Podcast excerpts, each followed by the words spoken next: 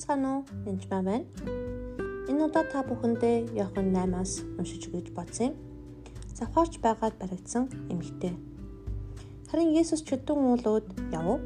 Өгдөө түүнийг сүм дахин ирэхэд хүмүүс бүгд түүн рүү ирцгээв. Тэр суугаад тэдэнд зааж эхлэв.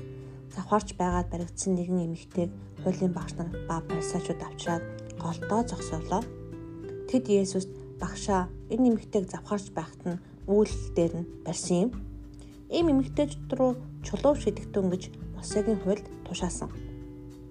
Харин та юу гэж хэлэх вэ гэцгээв.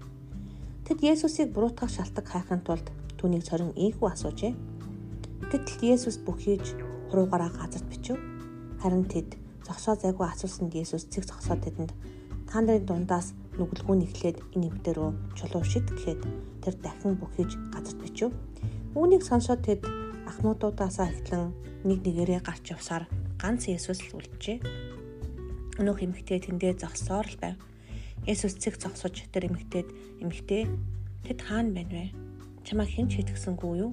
гэсэн тэр эзэн хэн ч шийтгсэнгүй гэв. Есүс би ч гэсэн чамааг шийтгэхгүй. Яв. Үнээс хойш дахин нүгэл бүүлд гэлээ. Энд гарч байгаа парсай хуулийн багш нар Есүсийг унгаах гэж энэ бүгдийг хийж байгаа юм. Түүнээс гадна нэмэгтэйг бас үзүүлэн болж байна. Үйлдэлтээр нь барьж аваад олонний өмнө ичгэр болох гэж авчирч байгаа. Тэгээд завхаарж байгаад баригдсан нэмэгтэй гэж урталт нь цол гуйшин өгч байгаа. Тэгэхээр яг үнэндээ шашин имэл зүйл хийдэг. Энэ бол биеэ үнэлэгч байсан. Энэ бол мөнгө иддэг. Энэ мөнгө энэ бол хуулийн багш. Айсвал их нэгтрээсээ салсан хүн. Энэ нэгтрээ зодсон хүн. Энэ шоронд орж байсан хүн гих мэдчлэн хүмүүст нэр хоч өгөх гэж оролддог. Тэр нь тухайн хүний identity буюу тухайн хүнтэйгээ холбож ойлгуулдаг. Үүндээ тийм биш шүү. Харин Есүс гарч ирээд энэ эмэгтэйг эхлээд авардаг. Хууль юу гэдэг вэ гэхээр шашин юу гэдэг вэ эхлээд шийдэх гэж оролддог. Ичүүр тунгаадаг. Тэгээд л гимш гимш гэдэг ч юм уу. Жими буруу хийсэн зүйл яг гимш гэдэг.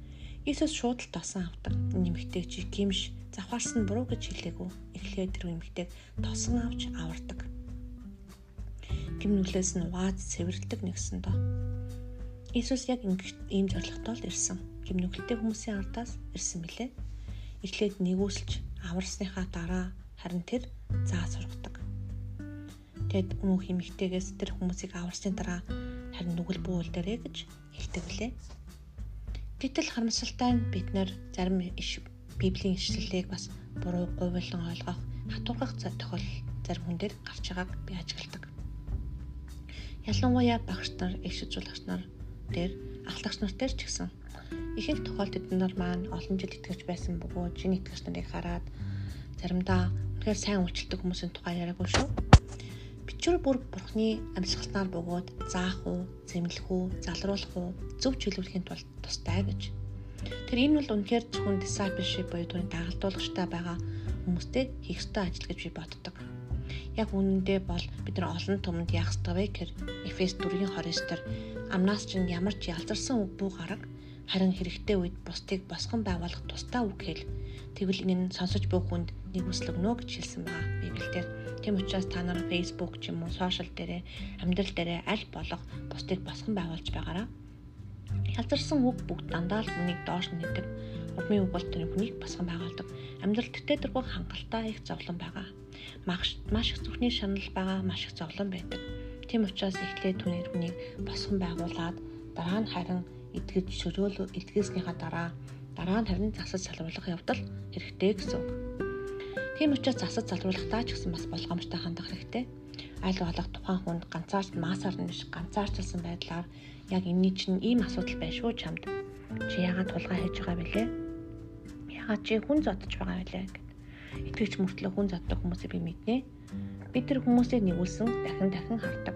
Энэ нь ямар учир шалтгаантай бол сүнс юм болов эсвэл муу хөвшил юм болов гомдол юм уу үл өвчлөлт үлдсэн байх вэ?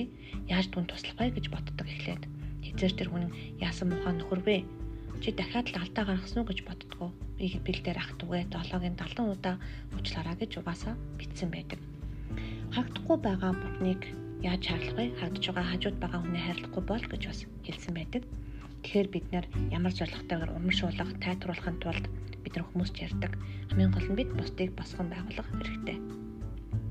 Иесус зовсон гим нүгэлтэй хүний ардаас ирсэн. Шархтаа хүн дээр шууд давс цацсан, урдаас нь өшгөлж ийм тийм гэж хэлэхээс өмнө тэр хүн яагаад шархлах болов? Хурдах шиг тосож аваад шархынд бооход их чухал. Эндээ заримдаа би бас саяхан хүртэл нэг алдаа гаргаж ирсэн. Жишээлбэл би завхаарлын сүнс хөөхтөө завхаарлын сүнс хөөж юуна гэж хэлэхэд намайг завхаа гэж хэлээгээд тэр хүн маань гомдсон байсан жишээлхэд эхлээд учрыг тайлбарлаж хэлж өгөхгүйгээсээ болоод тэр хүнийг би гомдоосон байх бас аюултай. Тэгэхээр тийм учраас заримдаа тухайн хүнийг сайн ойлгох хэрэгтэй. Тэгээд бас олонний өмнө ярих байгаа үгнүүдээ бас сайн хянах хэрэгтэй. Багш байна гэдэг бол тийм амархан зүйл ерөөсөө биш. Тэгэхээр алдаа гаргасан бусдыг босон болгохтой алдаж байгаа бол бас гимшиж хурдан нэр хүмүүстэйгээ нөхөрлөх хэрэгтэй. А хэрв танаа ментор чинь, халагч чинь, пастор чинь хэн нэг нь таныг одоо засаж залруулахдаа үнэхээр зовоож эвгүй байдалд оруулсан бол тэр хүмүүсийг бас уучлаарай. Энэрт нэгүүлсэрээ. Магадгүй тэр хүмүүс сайн заалгаагүй байж болно. Магадгүй тэр хүмүүс өөртөө шарахтаач байж болно. Өөрөө санамжгүйгээр хийсэн ч гэж магадгүй. Энэ бүх зүйлд эцсийн нэгүсэл хэрэгтэй. Танд амжилт хүсье. Баярлалаа. thank you